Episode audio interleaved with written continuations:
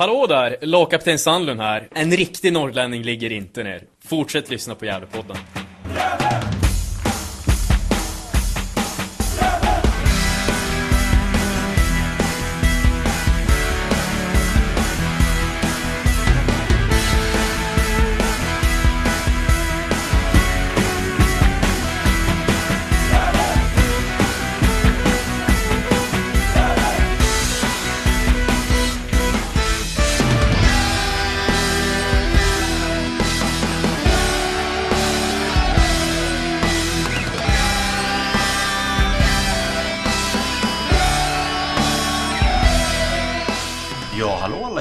Alla och eh, hjärtligt välkommen till Gävlepodden och nummer 187.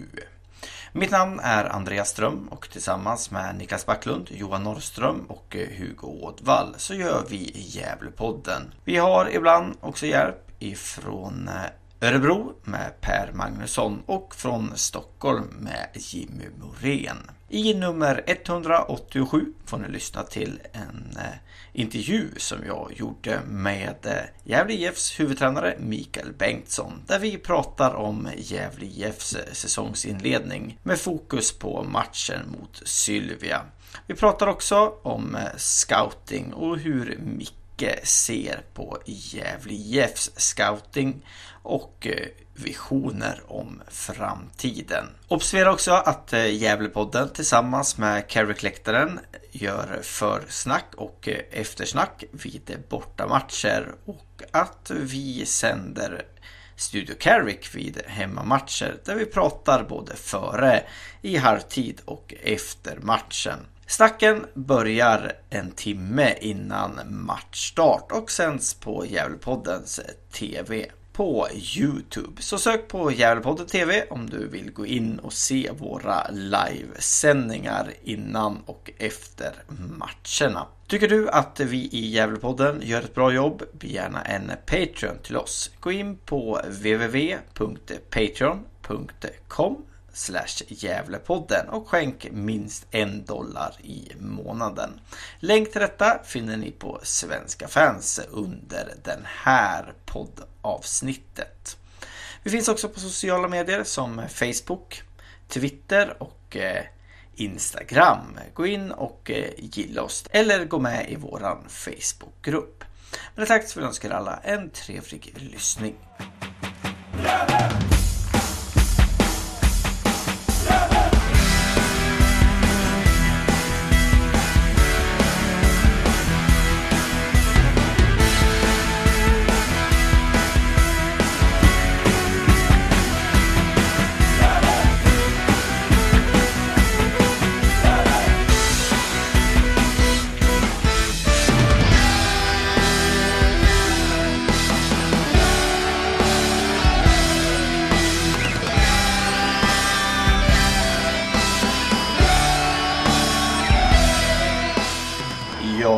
Får, ni, får vi önska er hjärtligt välkomna till ytterligare en intervju med Gävlepodden. Denna gång har vi med oss eh, Mikael Bengtsson, tränare i eh, Gävle IF. Tjena Micke!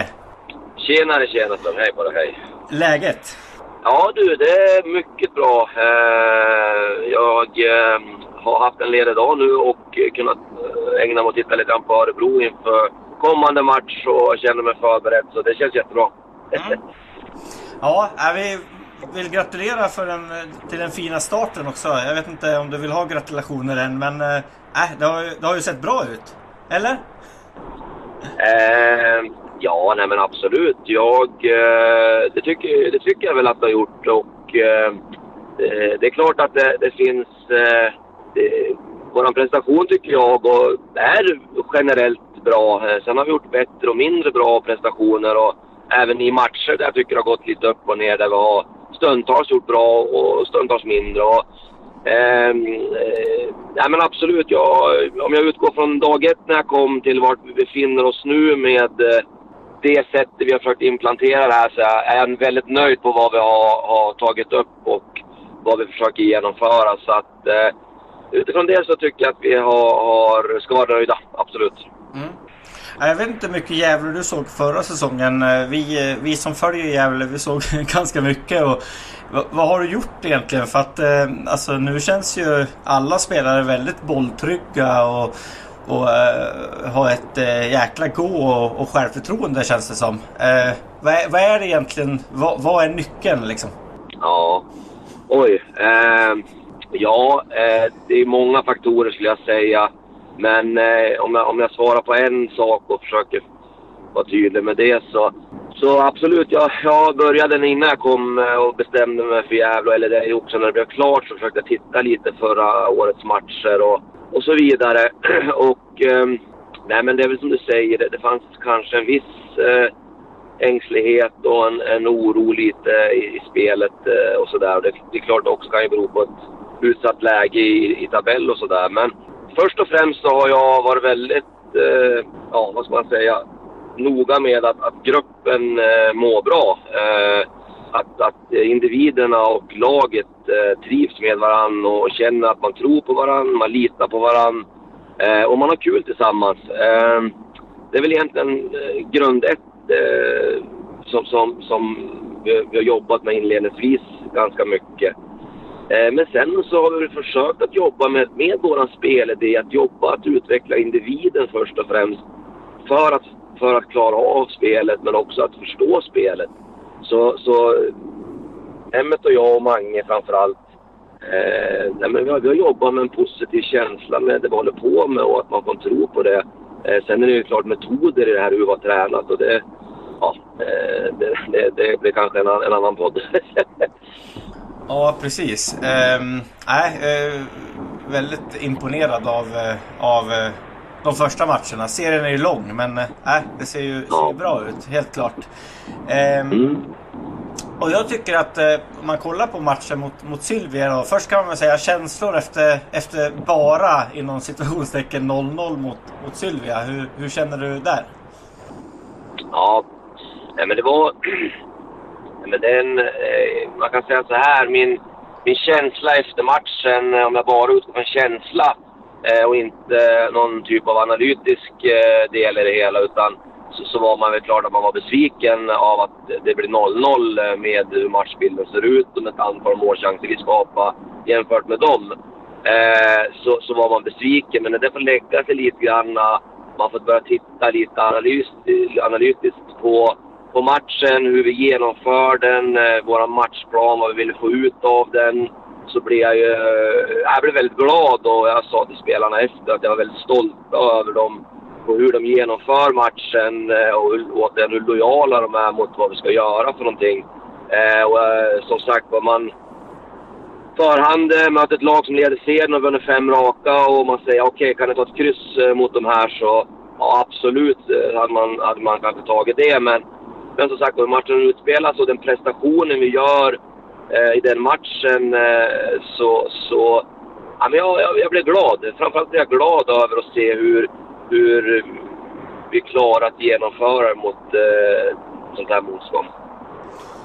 Ja, vi, vi hade ju Studio Carrick där på, uppe på vippen där. Så vi, vi var ju på plats jag och Niklas och Johan Norrström i podden och, och sände den. Och ja.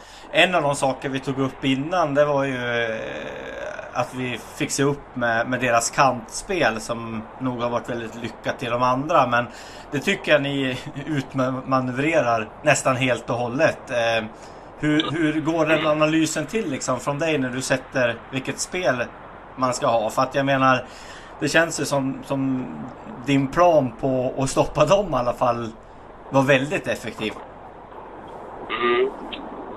Eh, ja, eh, man kan säga så här då. Eh, man, man säkert massa olika arbetssätt och så vidare, men Eh, men vi har haft förmånen att jobba med att analysera motstånd under, under ett antal år och, och lärt mig en hel del av, av andra människor också lite grann på det där. Och, eh, det är klart att det här att analysera ett motstånd eh, tror jag man, man, eh, det tar klart mycket längre tid än vad man tror för det första. Att man bör ha, ha ett antal matcher man tittar på motståndaren och, och, och försöka se mönster vad är de vill, vad är de försöker göra, vilka ytor skyddar de, hur försvarar de, vilket arbetssätt har de.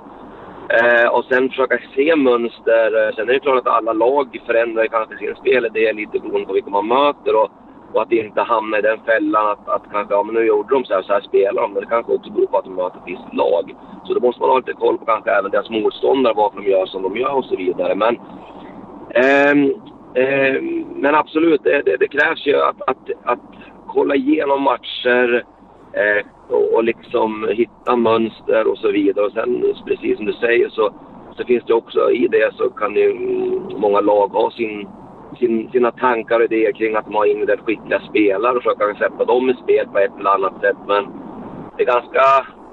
Oftast kan det vara väldigt lätt att säga att ja, men den här spelaren är jättebra, det här slaget markerar han så är han borta. Men så enkelt kanske det inte är alla gånger. Det kanske finns ett, ett, en strategi hos motståndarna hur de vill försöka spela loss det här spelet Och kan man förhindra det redan då så, så bör man kanske inte lägga all kraft på en spelare utan man, man kan förhindra deras sätt att spela på istället. Men Ja, eh, kanske något långt svar, men, men eh, jag skulle kunna måla på mer. Men, men det, det, det, det är ett hårt arbete och ett eh, jobb som ligger bakom såklart. Mm. Ja, vi, vi vill gärna ha långa, långa svar, Micke, så det, det är bra. um, vi fick ju upp eh, den spelare vi kanske tyckte var den bästa i matchen eh, eh, jag vet inte vad du tycker men, men vi tyckte att, att eh, Churchu gjorde ett otroligt bra jobb på för honom en, en ny position. Eh, vi har ju följt Churchu sedan han var ganska liten och han har ju varit en ganska hypad spelare i Gävle. En spelare som ja, mm. varit och provtränat med, med storklubbar när han var 16-17 och, och sådär. Och sen försvann och nu kommer tillbaka eh, i år helt enkelt. Och, och äh, jag tyckte han var klockren i defensiven. Eh, och eh, jag tycker också att han assist som spelade för Silvia där eh, kanske deras bästa spelare i vanliga fall. Men jag tyckte att han, eh, både han och, och Jaja tog hand om honom ganska bra. Mm. Absolut, eh, jag håller med. Och, och eh, nej men Chucho, vilken kille. Och eh, jag eh, jag, jag har också följt Ciuccio eh, ganska många, många år under mina år i GIF Sundsvall som, som akademiansvar och, och tränare där. Eh, såg han även redan uppe i Junsele när han var där uppe som 15-åring. Och, eh, nej men absolut, haft offensiva skills och, och, och, och så vidare. Va? Men eh, jag har fått höra en del kanske när man kom och att Ciuci var här och man skulle, om ni skulle signa eller inte. Men nej, jag... Eh, jag håller med dig. Prestation mot Sylvia och hans eh, personlighet och hans helhet är, eh, ja, jättekul att se den killen måste jag säga. Och eh, vilken varm människa och eh, omhändertagande av andra spelare och otroligt eh, nyttig och duktig och bra för gruppen. Eh, så att eh, absolut ska han ha stort beröm på vad han gör på plan såklart, men, men även utanför. Eh, ett, ett föredöme. Ja, och uh, han kom ju som sagt var upp till oss och han, han strålar ju verkligen. Han tyckte det var tråkigt att ni inte vann, men, men han, uh, ja. han tyckte nog själv att det hade gått ganska bra tror jag. Uh, ja. och, så, och så frågade han om det var meningen att, att han med sin snabbhet skulle städa lite runt Jaja. Men då sa han nej det var Jaja som städade runt mig, sa han. Så att jag tyckte ja, det var ett ganska skö, skönt svar också på, på en fråga. Att nej, jag hade mycket stöd av Jaja, sa han i, i hur jag skulle spela. Så att jag tycker att det, det verkar härligt i grupper med, med, med personligheter. Att de liksom eh, de står upp för varandra på, på ett sätt som jag kanske inte upplevt på, på några år. Eh, vilket jag tycker är, är härligt. Eh, ja. Nästa fråga så går vi över till Jaja faktiskt. Om det är en, ja, det är den spelare det diskuteras mest i fansleden om var han ska spela. Och Eh, ja. Nu är han ju höger mittback och många tycker att han passar bättre på defensiva mittfält eller som ja, i mitt, mittbacksrollen då. Hur ser du på Jaja mm. och, och liksom hans... Eh, ja, var han, var han ska spela och vad du tycker om, om honom helt enkelt? Mm.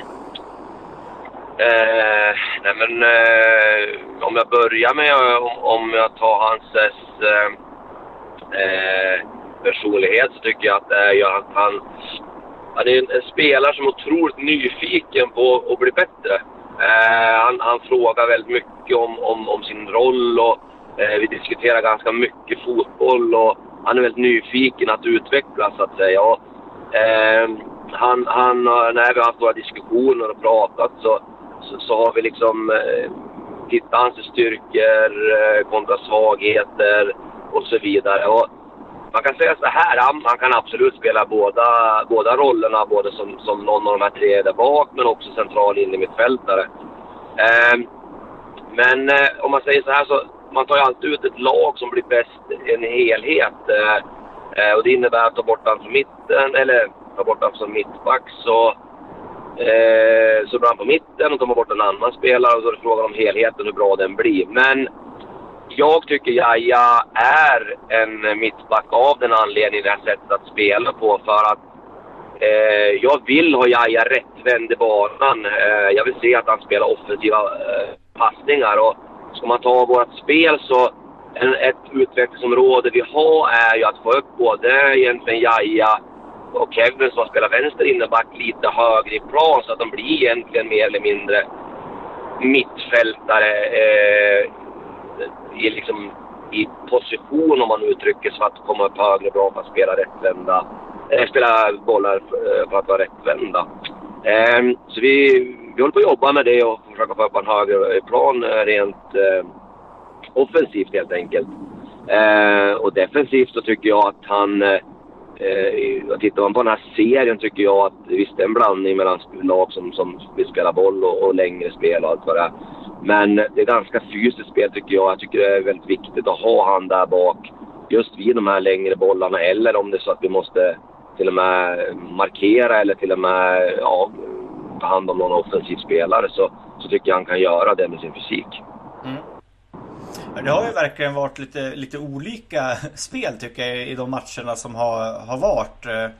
Eh, mm. Mm. Dels eh, så har ni i vissa matcher hållit väldigt mycket boll och i vissa matcher har ni fått en, en otrolig press på er. Eh, vi kanske hade Haninge-matchen där, där jag kan tycka att, att vi kanske skulle ha vunnit. Men där var det lite, jag, bruk, jag jämförde den lite med, med Gävle IF i Allsvenskan mot Elfsborg. Lite den känslan där det ena laget håller väldigt mycket boll och det andra gör målen, om man säger så. Eh, kontrar och, och får till det och, och sådär. Eh, ja, hur ser du liksom på de, de, matcher som har varit? Det kanske blir ett långt svar igen, men, men eh, jag menar eh, i... Var det Sollentuna kanske?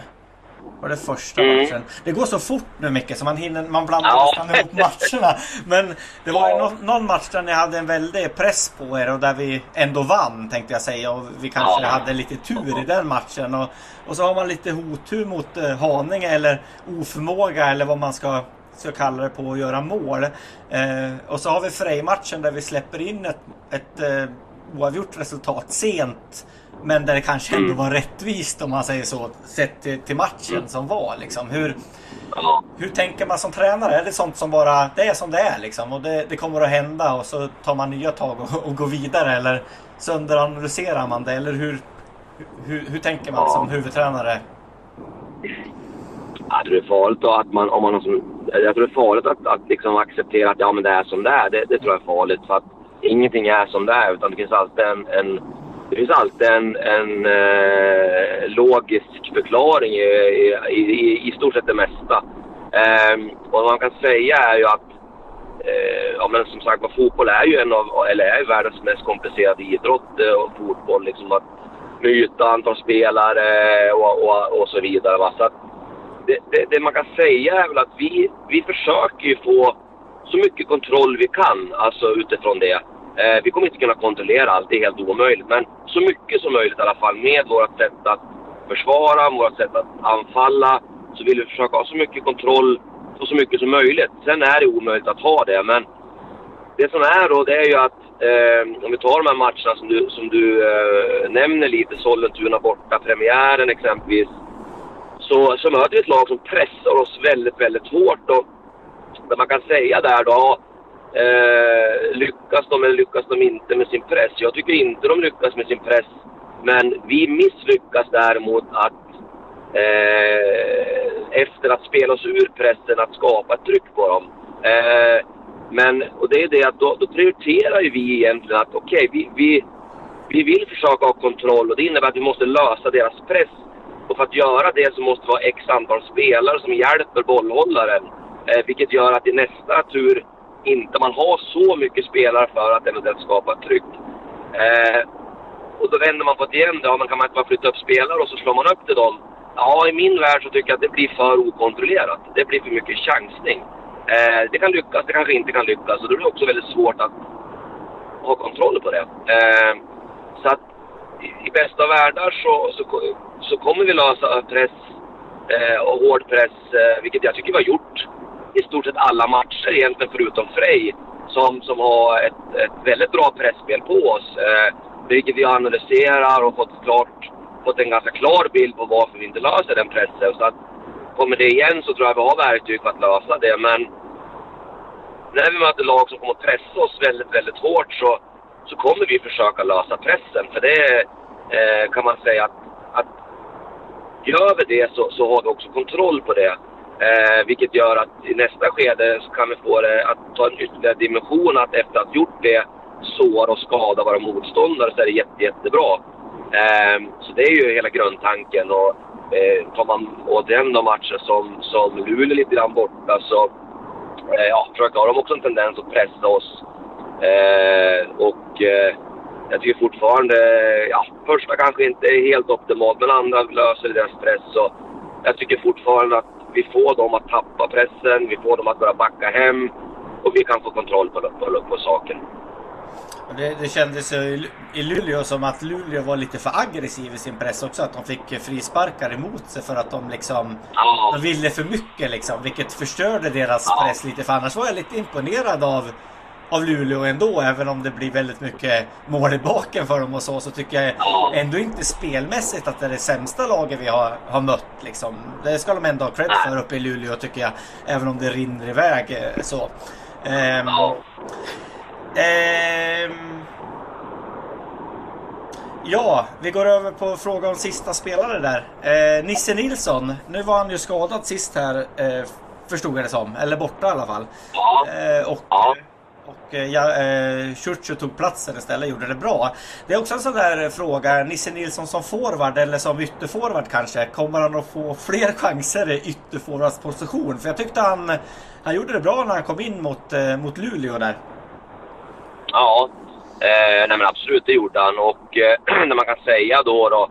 Eh, han gör ju ett mål genom att komma i ett djupledslöp eh, mot mål. Eh, vilket är hans absolut styrka tycker jag. Och det vi önskar och hoppas och, och tror med, med Nisse det är ju att även från sin vingposition, vilket han har gjort ganska många matcher, men kanske inte fått bollen alla gånger. Det är fortfarande hans styrka med att, med att tajma sina löpningar till förhållande till bollhållaren och, och löpa in bakom motståndarens blindsidor. Eh, vilket från hans position som vingspelare är mycket, mycket lättare än att vara kanske lite halvt felvänd i en bana för att tajma den löpen. Så att samma som mot, mot Luleå så kommer han in och, och kan ha, vi, vi har ju fått eh, matchen lite dit vi vill, så han kan löpa där. Sen det krävs ju andra egenskaper att spela ytterforward. Våran sätt att spela där du ska vara inne i banan, du ska vara lite felvänd, du ska klara av att spela på, på ett och två tillslag på ett helt annat sätt eh, och så vidare. Eh, så att eh, absolut, eh, Nisse har offensiva fina egenskaper.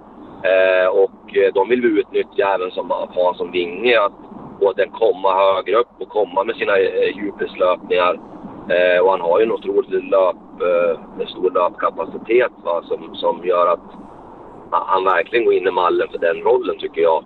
Så att, eh, eh men det är sådär, jag, jag, jag jag har sagt det förut i alla fall i någon, någon intervju eller vad det var. att Eh, jag tycker det, det, är så otroligt spännande med det här laget att vi har spelare som kan spela på olika positioner.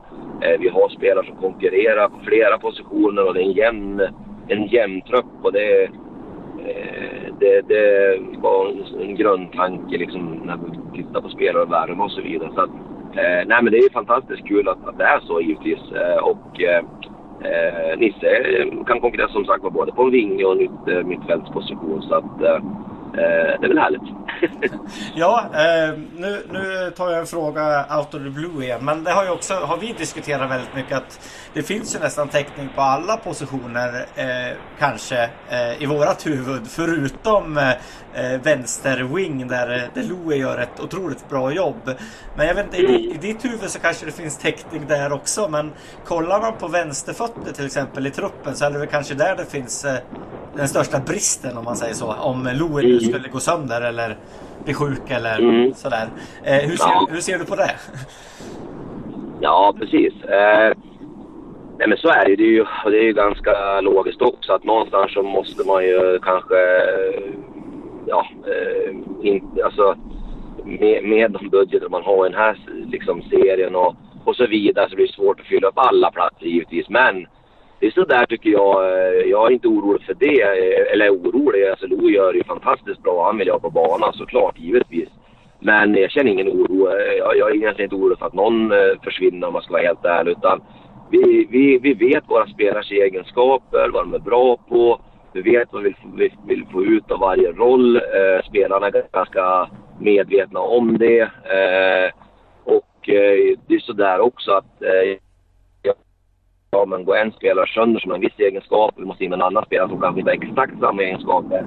Ja, då får vi vrida och vända lite grann rent, eh, rent eh, organisationsmässigt för att få ut det bästa. Så att... Eh, eh, nej, men det handlar ju hela tiden om att vara flexibel i det där och, och hela tiden eh, vara förberedd på saker och ting och det, det tycker jag är mm. Um, jag tänkte vi skulle gå över lite mycket och snacka om scouting som har varit en uh, lite het potatis här i veckan bland fansen. Uh, sedan vi gjorde en intervju med Dalle här innan, innan matchen i, senast mot Sylvia. Då. Uh, ja. Och som jag tidigare, eh, tidigare säsonger har varit lite kritisk mot, mot Gävles eh, tillvägagångssätt när det kommer till, till scouting helt enkelt. Så jag tänkte vi skulle snacka ja. lite eh, om dig och, och scouting liksom och Gävle IF. Ja. Eh, ja. Hur, Se, hur, ser du på Gävle IF scouting idag och hur fungerar den?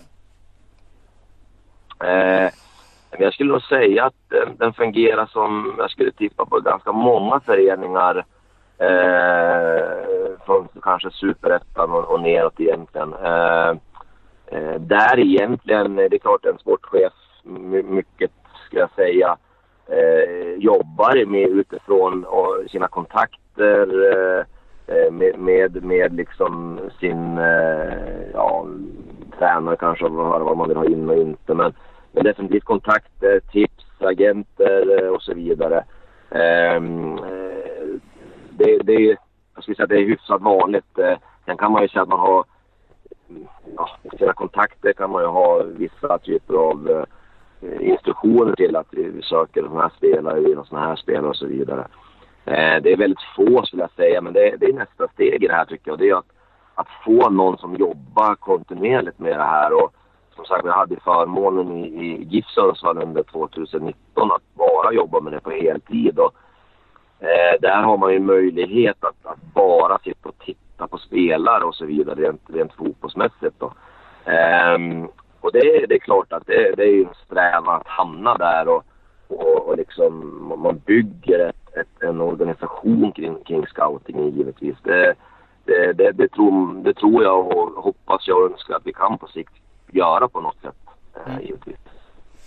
Um, hur ser det ut då inför nästa fönster och ja, inför framtiden liksom om du ser fram emot nästa säsong och nu vet jag att det är tidigt på den här konstigt nog tänkte jag säga med coronan och sådär. Ja. Men, ja, men, eh, men hur, hur ser det ut liksom uh, inför nästa fönster till exempel? Ja, um, om, man, om jag säger så här så, så var ingen jätteambition på att måste ta in någon ny spelare. Eh, däremot så, som, som jag sa så, så har man ju sina kontakter. Man hör att spelare eh, är på vissa ställen som kanske inte helt enkelt trivs eller kanske får för lite speltid och, och så vidare. Och det är klart, kan vi stärka våran trupp eh, utifrån att det blir en, en, en otroligt bra ekonomisk lösning så, så, är vi ju, så är man ju öppen för det givetvis. Men vi kommer inte aktivt jobba något hårt för att värva några spelare kan jag säga. Utan eh, vi, vi har den budget vi har. Vi har, vi har den ekonomiska situation vi har. Så att eh, vi kommer inte jobba hårt för att, för att värva spelare så. Men visst, eh, dyker upp eh, möjligheter och situationer och, och som sagt var spelare som, som, som passar in i det här och, och så, så, så, så kommer man vara beredd att titta på sådana lösningar. Det kommer man göra. Eh, men det är så här också, för mig är det just att, att scouta är ju såklart att hitta fotbollskvalitet hos spelare. Men eh, sen att värva en annan sak. Där, där måste det ligga ett ännu hårdare arbete bakom eh, vem, vilken, vilken människa värvar vi. Att, att värva vilken fotbollsspelare är ganska lätt, men att vilken människa värvar vi, det, det är en annan sak. Och det, det, det, det tycker jag är det svåra om man ska vara ärlig. Mm. Um, inför framtiden då? Du, det är ju så i, Gävle IF att många har ju, har ju ett års kontrakt och eh, även du mm. har ett plus ett år. Och, och eh, ja, det, det är liksom eh, för fans så känns det lite lite, nu är det tidigt som sagt var, men, men det känns lite osäkert för, för framtiden. Så hur, hur jobbar du liksom långsiktigt när, när, eh, ja, när du vet att det är må många ettårskontrakt och, och eh, att ja, du har ett tvåårskontrakt. Men liksom hur, hur tänker man som, som tränare och, och sportsligt ansvarig i, i den situationen? Mm. Eh, eh, ja, men vi börjar med, med spelarna egentligen, de som har ettårskontrakt. Om, om, för det var en fråga, vi var så? Ja, ja precis. Jag, jag vet att det är många ja. som har ettårskontrakt. ja, ja. ja, men precis. Eh, nej, men den, den, processen ska ju starta ganska snart om man ska vara ärlig. Att, att börja titta på om det är aktuellt att förlänga, eh, om spelarna trivs eh, och vill vara kvar. Eh, och ehm, eh, som sagt om, om det är så att eh, vi, vi vill ha kvar dem helt enkelt. Eh, eh, så, så den processen ska ju starta, startas ganska snart ska jag säga. Ehm, och för, för min egen del Eh, Eh, så ja, jag har ju ett plus ett då, så att eh, mitt, mitt kontrakt går ut, eller går ut, men en obsession på att ja, november eller december som, som gör att ja, man kan ta en sittning och kolla hur vi ska göra. Och mm. Den processen, framtidsprocessen, den, den pågår ju hela tiden, i alla fall för mig, hur, hur organisationen ska utvecklas och eh, vad vi behöver göra för att ta nästa steg. Och, och det är väl det som kommer bli en diskussion framöver, att, att liksom sätta sig ner och titta på vad kan vi göra för att, för att stärka klubben och organisationen kring klubben. Eh, det, det, är ju en otroligt viktig fråga och eh, det, det, det, är ju en process som pågår hela tiden egentligen skulle jag säga. Mm. Mm. jag, jag, tror du fått den här frågan förut. Men hur ser du på att använda amatörscouter utbildade av klubben och som gör jobbet ideellt? Alltså folk som har hjärta för Gävle mm. och hur, hur ser du på, på en sån scenario liksom där, där du skulle köra en två dagars utbildning eller någonting för, för några, mm. några liksom mm. som du skickade ut över landet och, och ja. eller kunna ringa till och säga kan du åka och kolla på den där killen där i mm. Värmland eller vart du nu är någonstans liksom. Hur ser ja, men precis. Nej men absolut, det, det, det är klart, jag, jag tror det är där man måste börja någonstans. Uh, för, för som sagt, jag tror inte att vi, vi har ju tyvärr inte ekonomiska resurser att, att, att anställa någon i, i den rollen så att säga. Men, men eh, så, så, det måste ju börjas i den vägen. Och det som är i det här, det är ju som du säger där, att det, det är otroligt viktigt att, att man tittar efter rätt saker om det ska vara intressant. Mm. Eh, jag har gjort en verksamhetsbeskrivning för en scoutingverksamhet eh, som, som vi ska presentera för, för styrelsen, hur den ser ut i bästa av världar. Och sen kan man kanske revidera den lite annorlunda utifrån ett pers ekonomiskt perspektiv. Men det finns en, ganska, eh, ja, finns en ganska tydlig beskrivning nu kring scoutingverksamheten som är på papper så att säga och en, en dokumentation eh, som, som man eh, ska titta över och titta hur man, hur man kan få den i hamn. Och det är ju som sagt en, en fram, ett framtidsprojekt om jag uttrycker mig som. Eh, men, men absolut, eh, dels så, så, måste det finnas en, en, ganska tydlig turordning hur det här går till på att dels vad tittar vi efter? För den som tittar på, på spelare, förstår man vad man tittar efter? Det är ju en otroligt viktig del om man ska gå vidare för att sen gå vidare med att eventuellt fördjupa sig till, i hans, den spelarens fotbollskompetens. Och som jag sa då, i, i nästa steg att verkligen börja och, och, och, titta på hur, hur, vad är det här för människa och person? Mm men i det också så måste det ju finnas att, att eh, man vet lite hur, hur Gävle IF ska spela eller vad man söker om man säger så. Eh, som, med dig som tränare eller att ja, om det kommer någon annan in eller liksom att, att klubben mm. då också har en eh, någon slags ramverk på, på sina spelare mm. helt enkelt. Eh, mm. Och det vet jag inte om det finns riktigt. Det var ju eh, under Poja så sattes ju en sån, sån idé mm. eh, på något sätt liksom. Och sen kanske den idén förstörde lite för dina kollegor efter Poja mm. sen om man säger mm. så. Så att det, det är ju ett eh, mm. det är lite snårigt, snårigt att, att gå om man säger så också. Om man nu ska vara tänka så. Eh, Mm. Ja. eh, sidestep. Men jag har en fråga faktiskt också om scouting från Hugo Ådvall. Som eh, mm. ställer frågan så här. Eh, du scoutade en del åt eh, GIF Sundsvall under den perioden då Spanienprojektet var som hetast. Har du kvar kontakterna och har du varit aktuell med spelare därifrån? Frågetecken. Mm. Mm. Eh, ja, då, absolut har jag kvar vissa kontakter. Eh, samtidigt ska man väl komma ihåg då att de, de agenten och det, det så att säga den inriktningen blir ju kanske svår att helt eh, applicera in i division 1 då, i och med att eh, vi pratar om spelare som, som spelade i eh, framförallt i Sekunda B i Spanien som, som ändå var relativt välbetalda kan man säga, eller åtminstone blev välbetalda. Och, eh, så den blir svår egentligen att följa och, eh, och titta på det. Men däremot så har man ju som sagt kvar sina kontakter, man får något tips här och där och titta på en spelare. Men eh, vi skulle nog behöva kanske spela i en liten högre serie om, om det ska vara aktuellt. Mm. Eh, ja, jag tror det blir sista frågan faktiskt. Eh, får, du, får du träna Superettan och Allsvenskan som, eh, som huvudtränare? Eller måste du utbilda dig mer då? Jag måste ha mer utbildning då, exakt. Ja. Så, att, eh, så det, men det är väl också en, en, en eh, vad ska man säga, en, en framtidsplan om, om, eh, om jag ska vara kvar. ja, precis. Och det är samma sak med, med Mehmet också. Ni, han har också... Ja. ja. ja. Ja, det, det, det, gäller att, att plugga då om vi, om vi går upp här. Ja, precis. ja, nej, men eh, intressant. Jag tyckte att vi fick, fick bra svar på, på scoutingen där och att det finns en framtidsplan och så. Så vi kan lugna den, den heta potatisen lite. Mikael, jag har fått in en, en fråga från din gamla adept i Hudiksvall, Andreas Smedbacken. Där han eh, undrar Eh, tja förresten skriver han. Har ni frågat Bengtsson hur mycket han tar i bänkpress än i någon intervju? Och så skriver han sen. Utveckla gärna frågan så vi får höra om han har gått upp mer sedan 2018. Skulle gissa att han tar cirka 50 kilo mer än den bästa i GIF-klubben. Hälsar från eh, HUFF 2018. Eh, så han, eh, han undrar helt enkelt om, om du tar 50 kilo mer och hur mycket du tar nu mot för 2018. Oj, oj, oj. Eh, ja, det var ju ja, det var en, en, en intressant fotbollsrelaterad fråga måste jag säga. Eh, eh, nej, jag kan väl säga så här. I, I och med mitt jobb förra året och även i år så har det varit väldigt lite bänkpress kan jag säga. Så att, tyvärr så har jag inte gått upp någonting. Eh, eh, jag har gått upp i vikt har jag gjort möjligtvis, men inte i kilo på bänken.